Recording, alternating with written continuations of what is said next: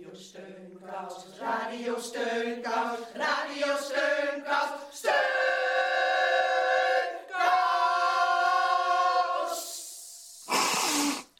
Heel hartelijk welkom bij Radio Steunkous. Heel hartelijk welkom bij Radio Steunkous. Ja, u hoort hier niet de stem van Ellie Lakerveld, want die is eh, aan het snotteren. En u weet het allemaal, bij klachten thuis blijven. Heel veel beterschap, Ellie. Maar Anke, ben jij nu ook aan het snotteren? Nee, nee, ik, ben helemaal, ik heb helemaal geen klachten, maar ik eh, doe even een zelftest. Want voordat je die zelftest doet, moet je je neus leegmaken door een aantal keer te snuiten. Want ik ga straks bij iemand op bezoek en eh, die wordt beschouwd als een kwetsbaar. Dus het is wel fijn om even te weten of ik wel of niet positief ben.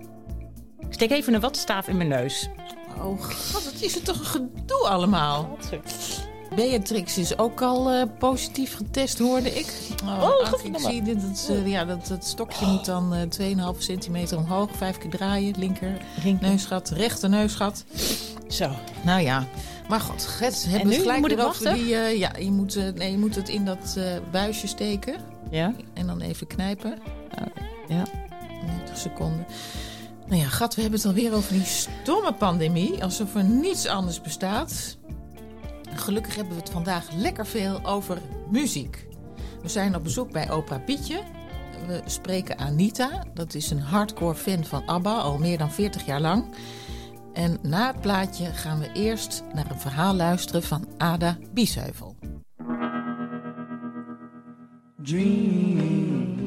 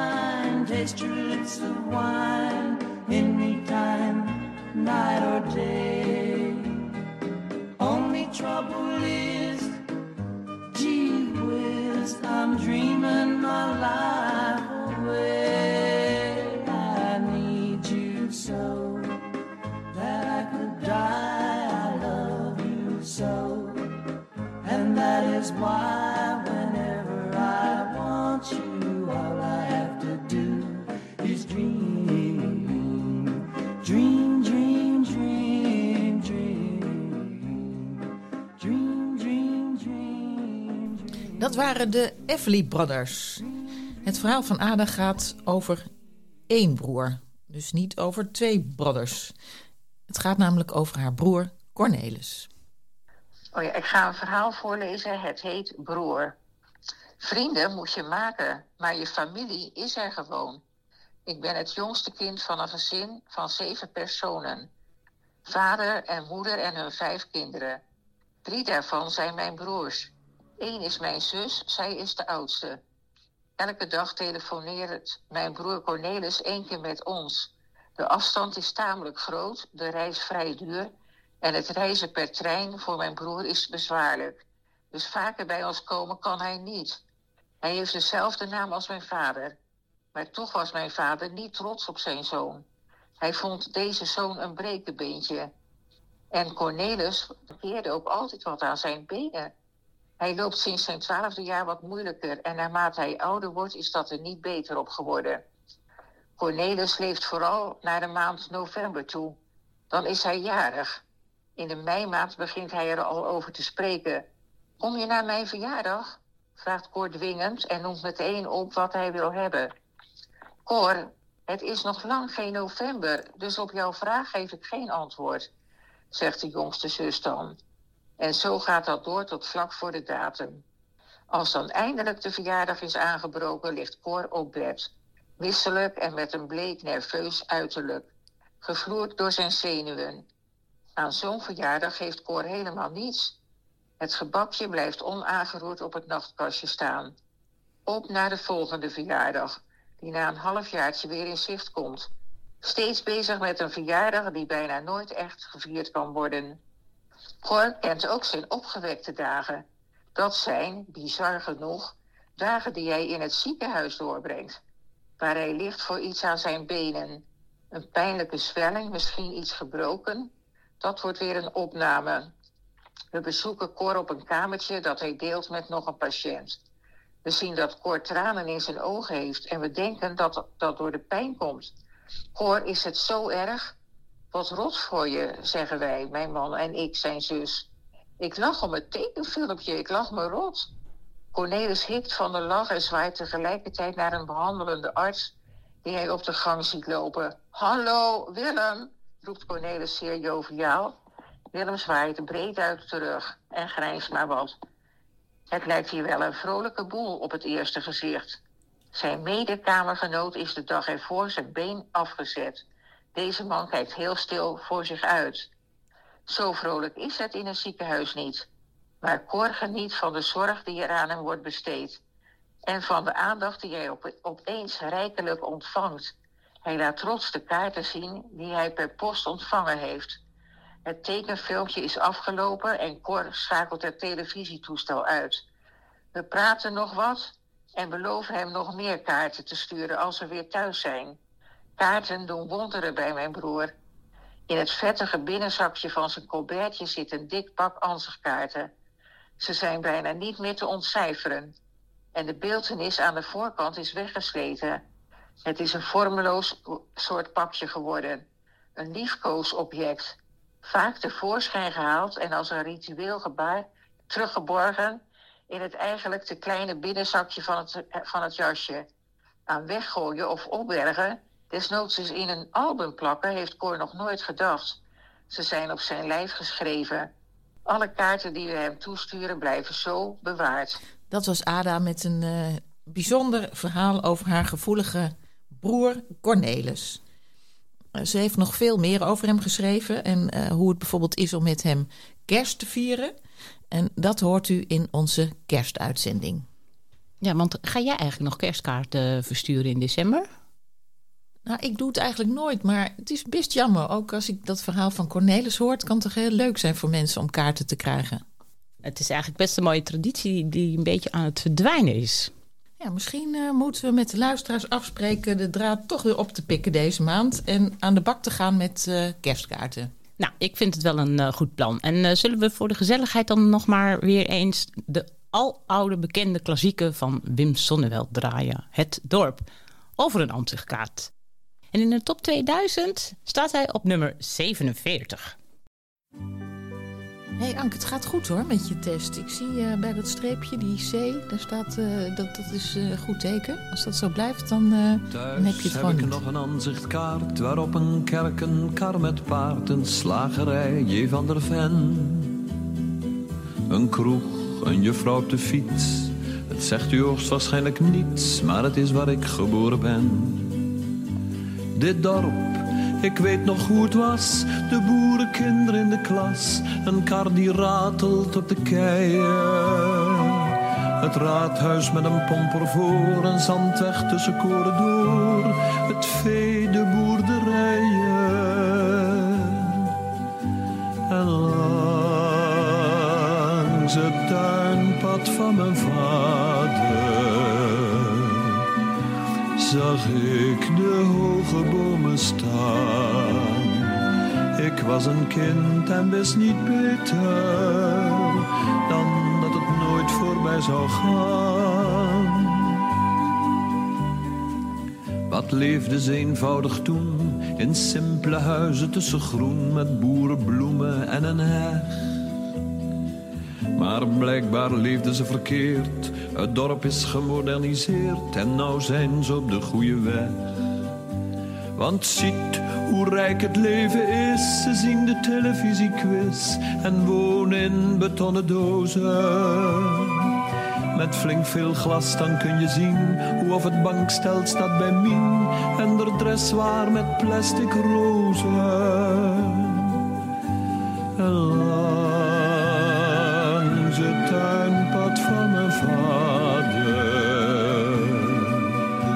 Zag ik de hoge bomen staan.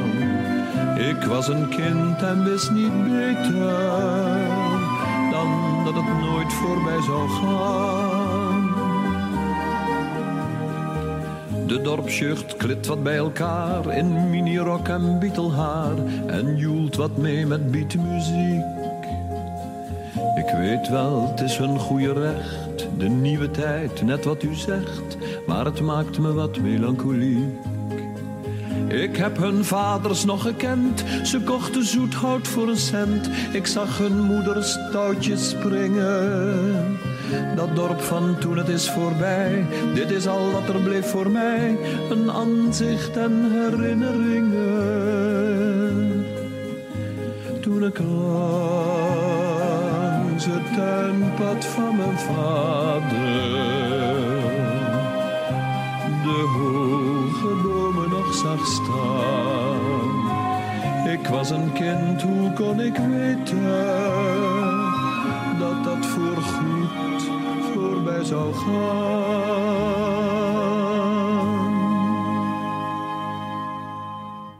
Heel jammer dat Ellie er vandaag niet kan zijn, want zij had naar aanleiding van het nieuwe album van ABBA eerder al eh, deze week contact gezocht met Anita. Anita is een fan van het eerste uur, al meer dan 40 jaar. En gelukkig heeft Ellie het gesprek naar ons toegestuurd, zodat we toch kunnen luisteren. Anita heeft echt alle vier de ABBA-leden al eens ontmoet. Ik ben zo gelukkig geweest om ze alle vier te ontmoeten. Alle Ik vier. heb allemaal nooit eh, zien optreden, maar ik heb ze daarna eh, alle vier. eh, nou, heb ik ze toch wel vaak gezien, ja. Wel vaak ook nog. ja. Kind aan huis. Of is dat overdreven? Nou, niet, niet kind aan huis, maar ja, ten eerste als ze hier in Nederland kwamen, daar zijn we sowieso naartoe geweest. Maar ik heb in Zweden heb ik. Ja, we hebben, we hebben Benny zelfs mogen interviewen eh, in de studio. Kijk, dat is niet verkeerd. Eh, nee, dat is helemaal niet verkeerd. Hey, en nu is eh, er, ehm, wie, had het, wie had het gedacht? Een nieuwe, een nieuwe CD. Ja, dat, die- dat, is, dat, is, dat is gewoon een heel groot kerstcadeau. voor alle ABBA-fans. Ja, ja. Maar het is eigenlijk, als je het verhaal hoort... eh Benny, Benny had gewoon een paar leuke nummers. En hij dacht, eh, die zal ik eens van die dames laten horen. Eens kijken wat ze ervan vinden. Nou, ze pakte de papiertjes met de lyrics erop. En eh, ze gingen staan en ze gingen zingen. En eh, de lol was weer terug. En als het over ABBA gaat, dan wil iedereen toch altijd weten wie je de leukste vindt. Frida of Agneta? Ik was altijd uh, Agneta, de blonde. Ja? Oh. Ja, altijd. Ik, eh, haar stem sprak me ook het meest aan. Maar ik moet zeggen, ik heb, eh, ik heb Frida natuurlijk heel vaak meegemaakt inmiddels.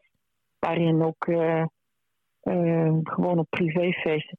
Dat is, die stem is ook gewoon heel mooi. Maar als, als je jong bent, dan vind je dat leuk om, om te zeggen wie vind je het leukste. Ja, maar dat dat, deden we, ja. op een gegeven moment, als je heel veel naar ABBA gaat luisteren, dan hoor je... De een kan niet zonder de ander. Echt, het mooiste is als ze samen zingen. Agneta heeft het eh, dit jaar nog gezegd, net nadat eh, de nummers uit waren. Gaf ze een interview in Zweden. En toen zei ze zo van... Frida en, en eh, mijn stem make marriage. Ja, Ze dus bedoelt dat, dat ja is het echt... is een hele is het herkenbaar, eh, heel herkenbaar Ja. geluid. En ik, ik, vond, ik vond Frida altijd de leukste.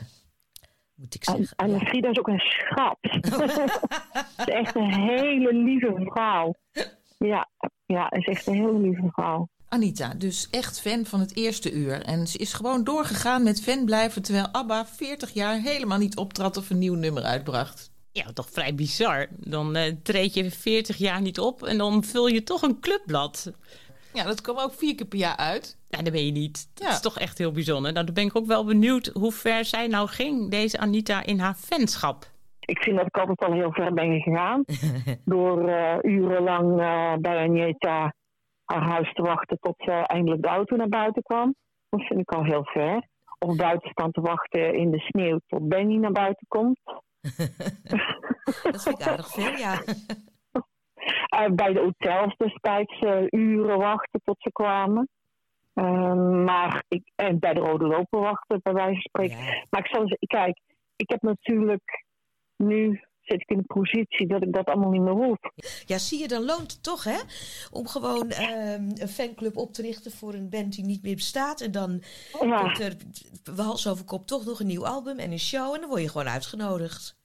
ja, Ja, dat is zo. Ja. En ook op privéfeesten, de daar word je gewoon uitgenodigd. De aanhouder wint. Ja, ja, ja. Ja, grappig dat de aanhouder wint. En we gaan zo luisteren naar een nieuw nummer van het nieuwe album van ABBA. Ja, best apart dat hen dit op hun oude dag weer is gelukt. Anita heeft nog in één zin gezegd wat de muziek voor haar betekent. Oh jee, in één zin. Eh, ABBA is er voor mij om, als ik troost eh, wil zoeken. Ze maken me blij, ze maken me aan het dansen. Ze zijn er altijd geweest op, eh, op momenten dat ik ze nodig heb gehad. Ze zijn de rode draad in mijn leven. En ze zitten in mijn eh, DNA. A while ago, I heard the sound of children's laughter. Now it's quiet, so I guess they left the park. This wooden bench is getting harder by the hour. The sun is going down, it's getting dark. I realize I'm cold. The rain begins to pour as I watch the windows on the second floor. Go. It's time at last to let him know.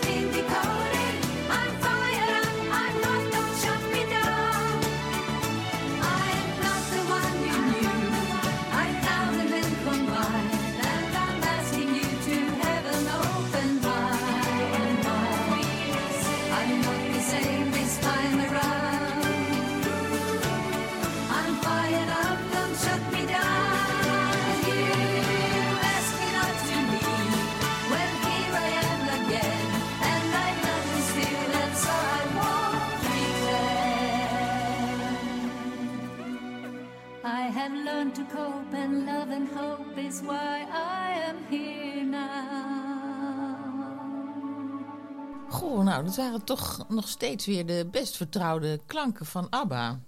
Heel anders, denk ik, dan waar opera Pietje van houdt. Nou, dat weet ik niet zo. Ik denk dat de vibratie in de stem van de dames ook opera Pietje wel aanspreekt. Ik was afgelopen week bij hem op bezoek. Piet Bos alias opera Pietje. En sommigen zullen hem nog kennen als de zingende Amsterdamse opera-marktkoopman. Bij anderen werd hij bekend dankzij zijn radioprogramma met opera Pietje Geniet je bij Radio Noord-Holland. Vroeger was het opera Pietje al. Was vroeg.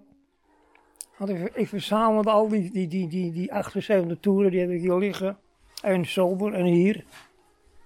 En dan verzamelde ik het. En dan ging ik al die jongens van het Waterlandplein, die bewaarden die dingen voor me. Ja, de aardigheid in een kleine jongetje.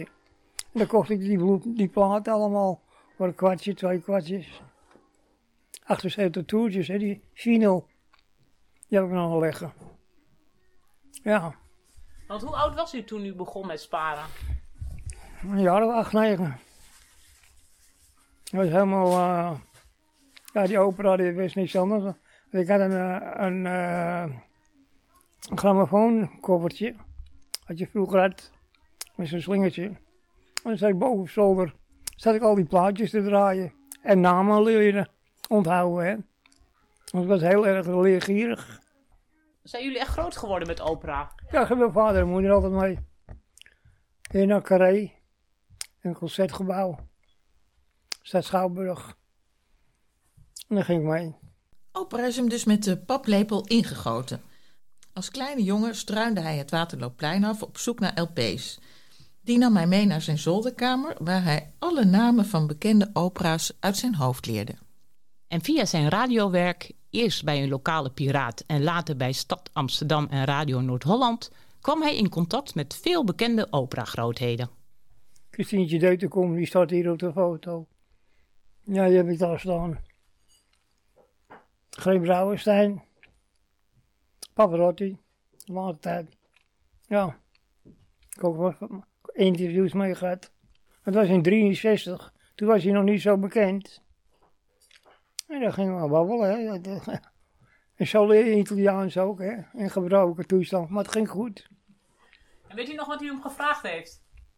Ja, nou, ik, eh, ik heb hem, ik heb hem eh, complimenten gegeven. Ik zeg, je hebt van, van onze Heer, onze lieve Heer, een mooie stem gekregen met een hele hoge C. Het is voor jou een appeltje eitje. En voor een, voor een tenor heel moeilijk. ja. Pietje groeide op in de Jordaan, waar hij nog steeds woont. Rond zijn achtste begon hij met het verzamelen van operamuziek. Was hij eigenlijk geen vreemde eet in de bijt tussen zijn vrienden? Ja, ja, ja, ja. Ik was nooit het voetbal, dus dat is altijd op zolder. En een koffergrammofoon. Ja. Ik ging die namen uit mijn hoofd leren. Giacomo Rivolpi, Giovanni Martinelli, Vergonzi, al die dingen. En dat leerde ik uit mijn hoofd. Zo is het gegaan. Maar je moet ook vertellen, dat is ook echt wel iets van de Jordaan-opera, hè? Ja, Jordaan, was, ja, Jordaan is altijd opera geweest. Ja. was altijd opera mij net hier. Ja? Zondagsmorgen om tien uur gingen de, de ramen open. Die ging daar draaien, die ging daar draaien. Ah, dat was leuk. Kom niet meer. Nee. Nee. Nou, dat moet mooi geklonken hebben, zo op zondagochtenden in de Jordaan, waaruit alle ramen operamuziek schalde. En Piet is nu 85. Door de jaren heen heeft hij 5000 LP's gespaard. En een net zo groot aantal CD's. Waar luistert hij het liefst zelf naar?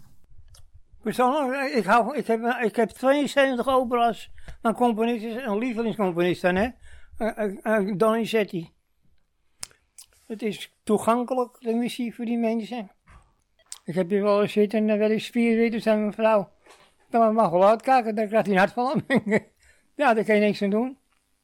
Daar kan je echt niks aan doen. Omdat hij het zo mooi vond. Ja.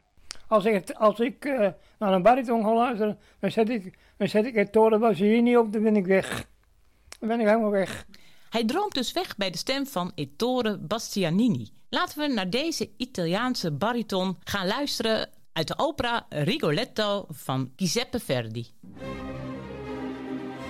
Partigiani, bella razza dannata, per qual prezzo vendeste il mio bene? Ah, A voi nulla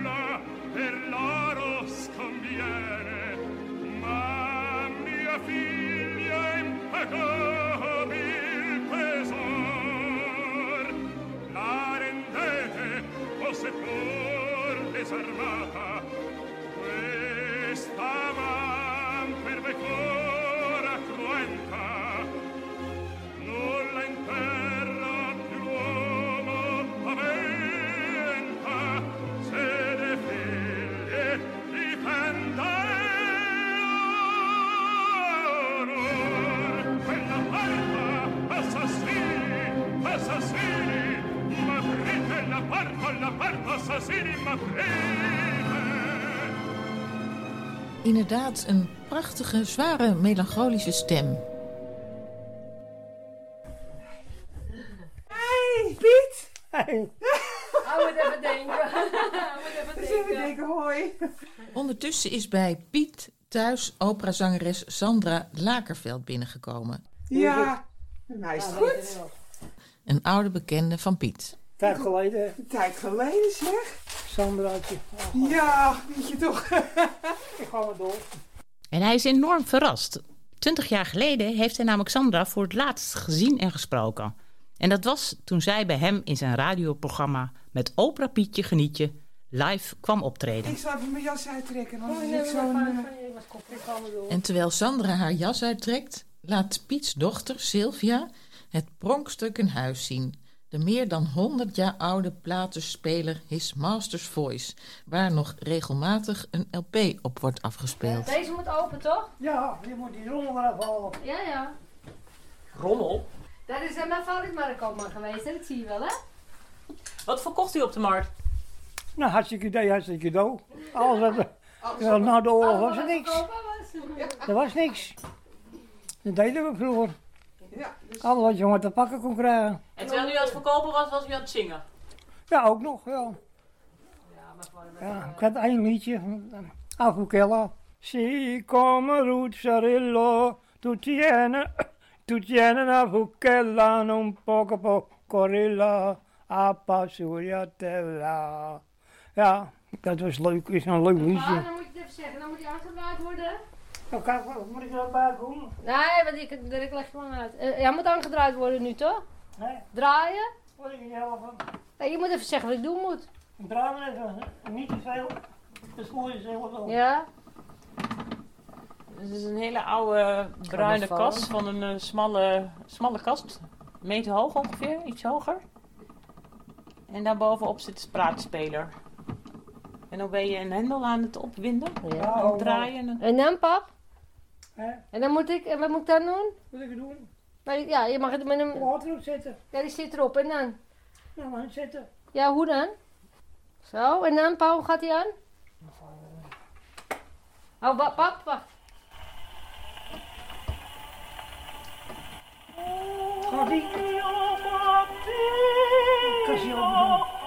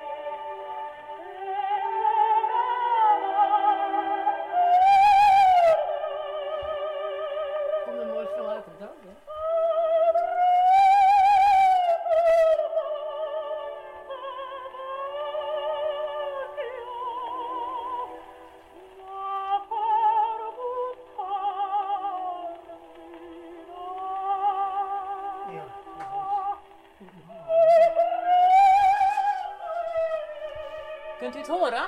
Ja, Wie zingt dit? Hilde Kude. Een Weense sopraan. Mooie opname hoor. Schitterend is dat.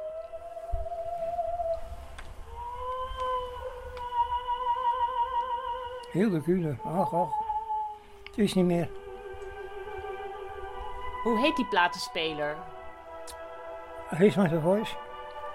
His Master Voice. His Master Voice.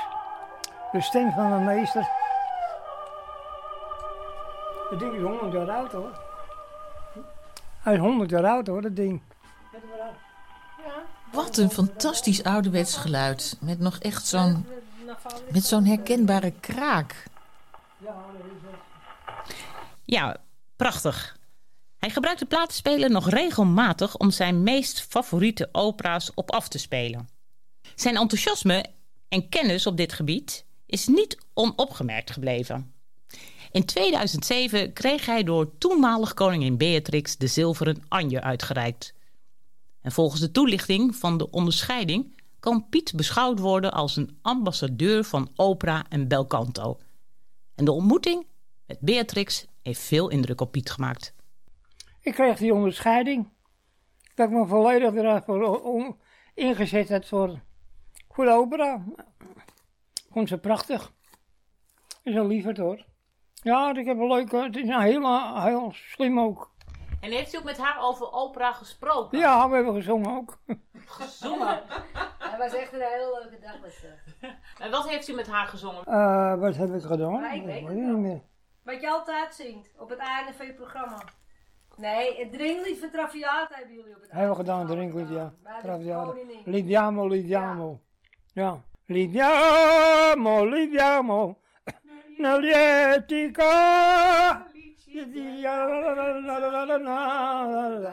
Pucera, pucera. Ja, dat, dat, dat is, is leuk hoor.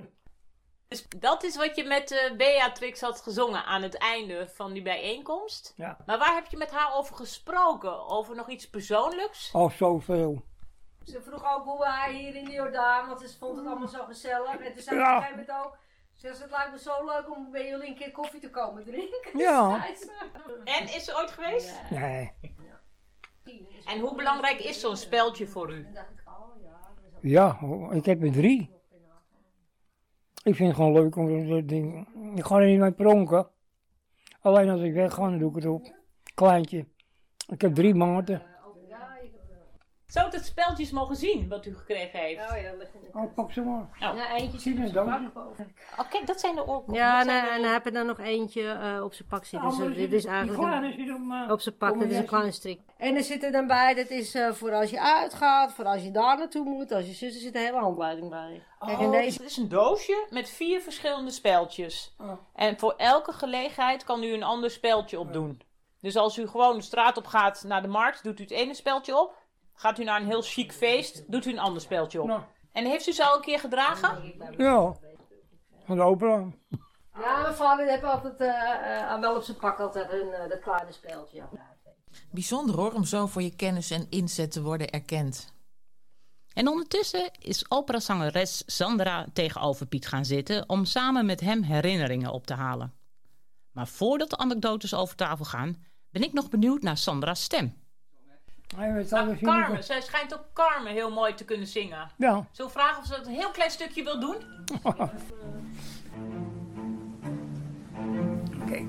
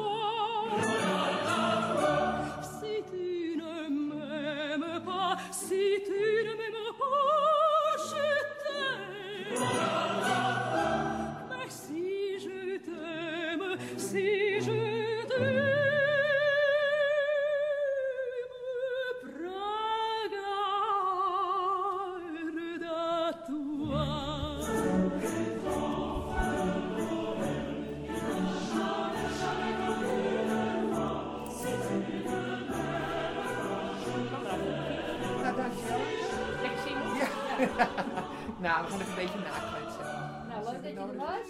Ja, dankjewel. En terwijl Carmen nog door het huis schalt, neem ik afscheid en laat Piet alleen met Sandra om met haar in het verleden te duiken.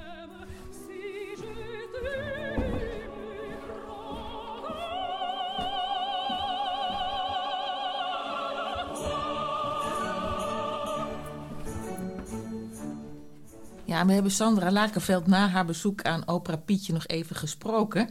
En ze vertelde ons dat het een hele bijzondere middag is geweest... waar vele oude herinneringen de revue hebben gepasseerd. Nou, en over revue gesproken, een groot liefhebber van dit genre was Annie Beumers. Zij speelde meer dan 65 jaar toneel en in 2019 debuteerde zij op 93-jarige leeftijd in de film De Beentjes van Sint Hildegard. En dat heeft ze geweldig gedaan. En twee weken geleden is Annie overleden. En ter ere van haar herhalen we een reportage die we vorig jaar bij haar thuis in Twente maakten. Je kent, wie kent elkaar ook, hè? Ja. Je hebt bij Jeanette in de klas gezeten. Ja. Ja, dat klopt. Ik heb bij de dochter van Annie Beumers op school gezeten. Lang, heel lang geleden. Dat schooltje is er niet meer. Het dorp nog wel. Soms ga ik terug naar dat dorp. Voor de natuur, de rust, maar ook voor de taal, de humor en de gastvrijheid. Deze keer ging ik terug voor Annie Beumers. Hallo. Ja. Je mag daar wel gaan zitten. Als 93-jarige debuteerde zij dit jaar in een Nederlandse film. Annie woont in een kleine boerderij, omgeven door weilanden en hoge kastanjebomen. Ze is onlangs 94 geworden. En als je zo'n leeftijd hebt bereikt, ontkom je er niet aan dat je tegenslagen hebt gekend. Annie heeft er genoeg gehad in haar leven. Maar deze goedlachse vrolijke overgrootmoeder gooit nog iedere ochtend het juiste been over de bedrand. Ik ben helemaal niet eenzaam. Helemaal niet. Nee, want ik werk heel veel buiten in de tuin. Heel veel, ja. Ja, want het is een hele grote tuin, ja. Ja, we hebben een heel grote tuin. Als ik hier de hele dag zo moet zitten, dan eh, dat kan ik niet. Nee. En dan denk ik bij mezelf, daar, daar zit ik weer. Weet niet, zo. Dat wil ik niet, hè. dan ga ik naar buiten. Ja, daar zit ze, in haar bruine leren fauteuil. Af en toe slaat ze uit enthousiasme haar hand op de armleuning. Verder is het doodstil in haar geriefelijke warme woonkamer. Het enige geluid dat je hoort is het chilpen van de vogels buiten. Ze is nog fit, zeker voor haar leeftijd. Ik had nog aardappels verpoord, heb ik me vorige week allemaal, allemaal uitgestoken. en dan de hele grond weer, weer klaargemaakt. Ja, dat doe ik graag. Haar ledematen mogen dan wat strammer geworden zijn. Annie werkt iedere dag in haar tuin. Het stimuleert volgens haar de bloedsomloop, het verfrist haar geest en het ruimt haar gemoed op. En als ik een, een, een dag heel hard gewerkt heb, dan doe ik die dag daarna, dan doe ik een beetje, een beetje eh, ja, Rustig aan. rustig aan. Buitenwerk is echt mijn hobby. Dat de tuin haar hobby is, dat is al duidelijk. Het gras is gemillimeterd, het onkruidgebied, de bladeren zijn van het pad geveegd. En midden in de tuin draait een miniatuurmolen vrolijk op de wind zijn wieken rond.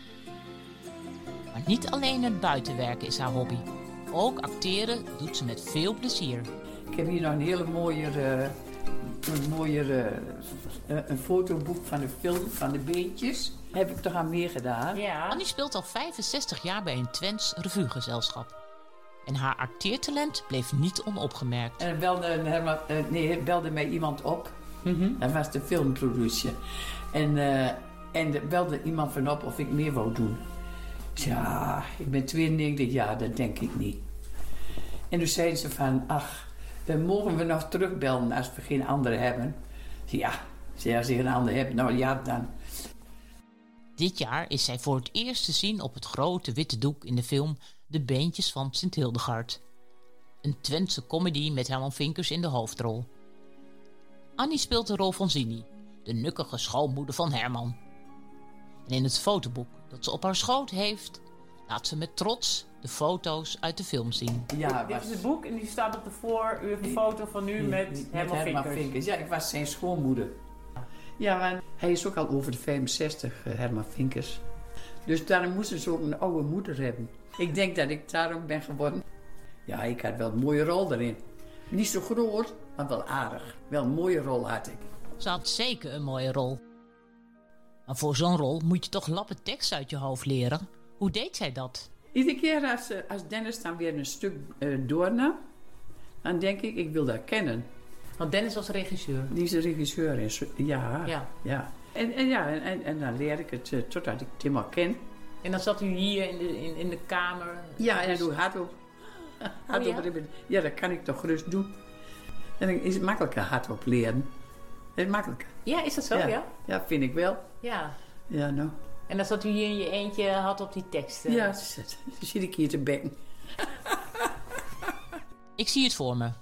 Annie, die in de rol van Sini vanuit haar luie stoel zit te mopperen op haar schoonzoon Herman Vinkers. De Beentjes van Sint Hildegard ging begin dit jaar in première in Tuschinski. En speciaal voor de première ging ze naar de kapper en kocht ze nieuwe kleren. Een nieuwe broek, een nieuwe blouse en een nieuw jasje. Ja, ik heb, ik heb voor die film heb ik me een hele mooie zwarte uh, broek. Met een uh, iets met glitterjasje, ietsjes glitter. Niet zo erg, maar ik kan het ook gewoon aan hebben. En een hele dure blouse. En die blouse vind ik nog niet zo. En, en, en BA was het duurste. Nou, die kost na 90 euro. Geen gelegenheidscombinatie, maar een praktische aankoop. Kleren die je ook voor een andere gelegenheid aan kan. Want, vindt Annie, kleren zijn er om te dragen en overdaad schaadt. Je moet niet al te, uh, te glitterig hebben. Beetje praktisch. Ja, een beetje praktisch, ja. Ze kijkt tevreden terug op haar filmavontuur. ja, dat is echt wel heel mooi. Ik was ook later, toen ik gezien had, zo blij. Ik was heel gelukkig. Ja, ik was echt gelukkig. En ik heb hem drie keer gezien. En de derde keer heb ik echt naar mezelf gekeken. Ik denk, nou, nou laat ik eens kijken. En toen dacht ik, ja, en ik hoef eigenlijk niet voor de ander anders te doen. Dat heb ik gedacht. Nee, Annie doet in de film zeker niet onder voor de anderen. Ze is een geboren actrice met een duidelijk levensmotto. Ik heb heel veel meegemaakt. Maar ik ga niet bij de pakken neerzitten, maar dan kun je helemaal niks meer voor een ander betekenen. Je moet gewoon aan het werk blijven. Dat is, dat is denk ik het beste. Als je bij de pakken gaat neerzitten, heeft niemand meer wat aan je. Niks. Volhouden is het advies. Als je moedeloos raakt en je hoofd laat hangen, heeft niemand meer iets aan je. Een nuchtere redenatie waarmee Annie zich door het leven slaat. Een leven dat haar niet altijd heeft meegezeten, maar waar ze nog lang geen afscheid van wil nemen. Ik hoop dat ik er een paar jaar ben. Ik wil nog best. Ik wil wel honderd worden. Het leven, ik, heb, ik, ik zit hier vaak en denk van, god, wat heb ik eigenlijk nog een goed leven. Straks is het weer, dan, dan, als de bladeren van de boom af zijn, hang ik er allemaal weer balletjes in voor de vogeltjes. En dan kan ik mooi naar de vogels kijken. En, en gisteren zat ik hier, toen liepen de eekhoorns liepen achter elkaar alle om die eik. Daar ging ze achteraan. En dat vind ik mooi.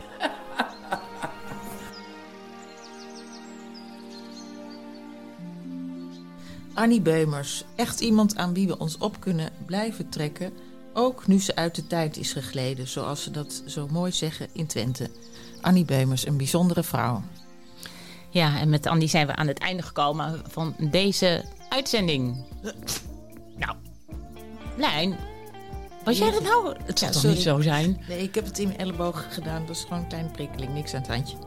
Nou, niks aan het handje. Het snot no- loop je uit de neus. Ik zou het wel fijn vinden als je je gaat testen. Ja, nou, dat zijn de regels. Eh, ik heb hier mijn zelftest net gebruikt. eh. Luisteraars, hartelijk bedankt. Tot volgende week. Tot steunkous. ja, en Lijn gaat zich testen. Tot volgende week. Ja, Lijn, doe nou niet zo geïrriteerd, man. Dat, is gewoon, dat zijn gewoon regels. Dan zit je, dan zit je weer te niezen. Pak even een zin. Pak ook even eens gek voor Pak even eens een zakdoekje. Doe het gewoon op de tafel. Gat, wat smerig. Ja, straks kunnen we volgende week niet uitzenden, omdat jij corona hebt. Ja, nou, wegwezen. Laten we allemaal doen wat we willen, zonder te schreeuwen en zonder te gillen. Doe wat je het liefste doet. Ja, zuster, nee, zuster. Dan is het altijd goed ja zuster, nee zuster, ja zuster, nee zuster, ja zuster, nee zuster.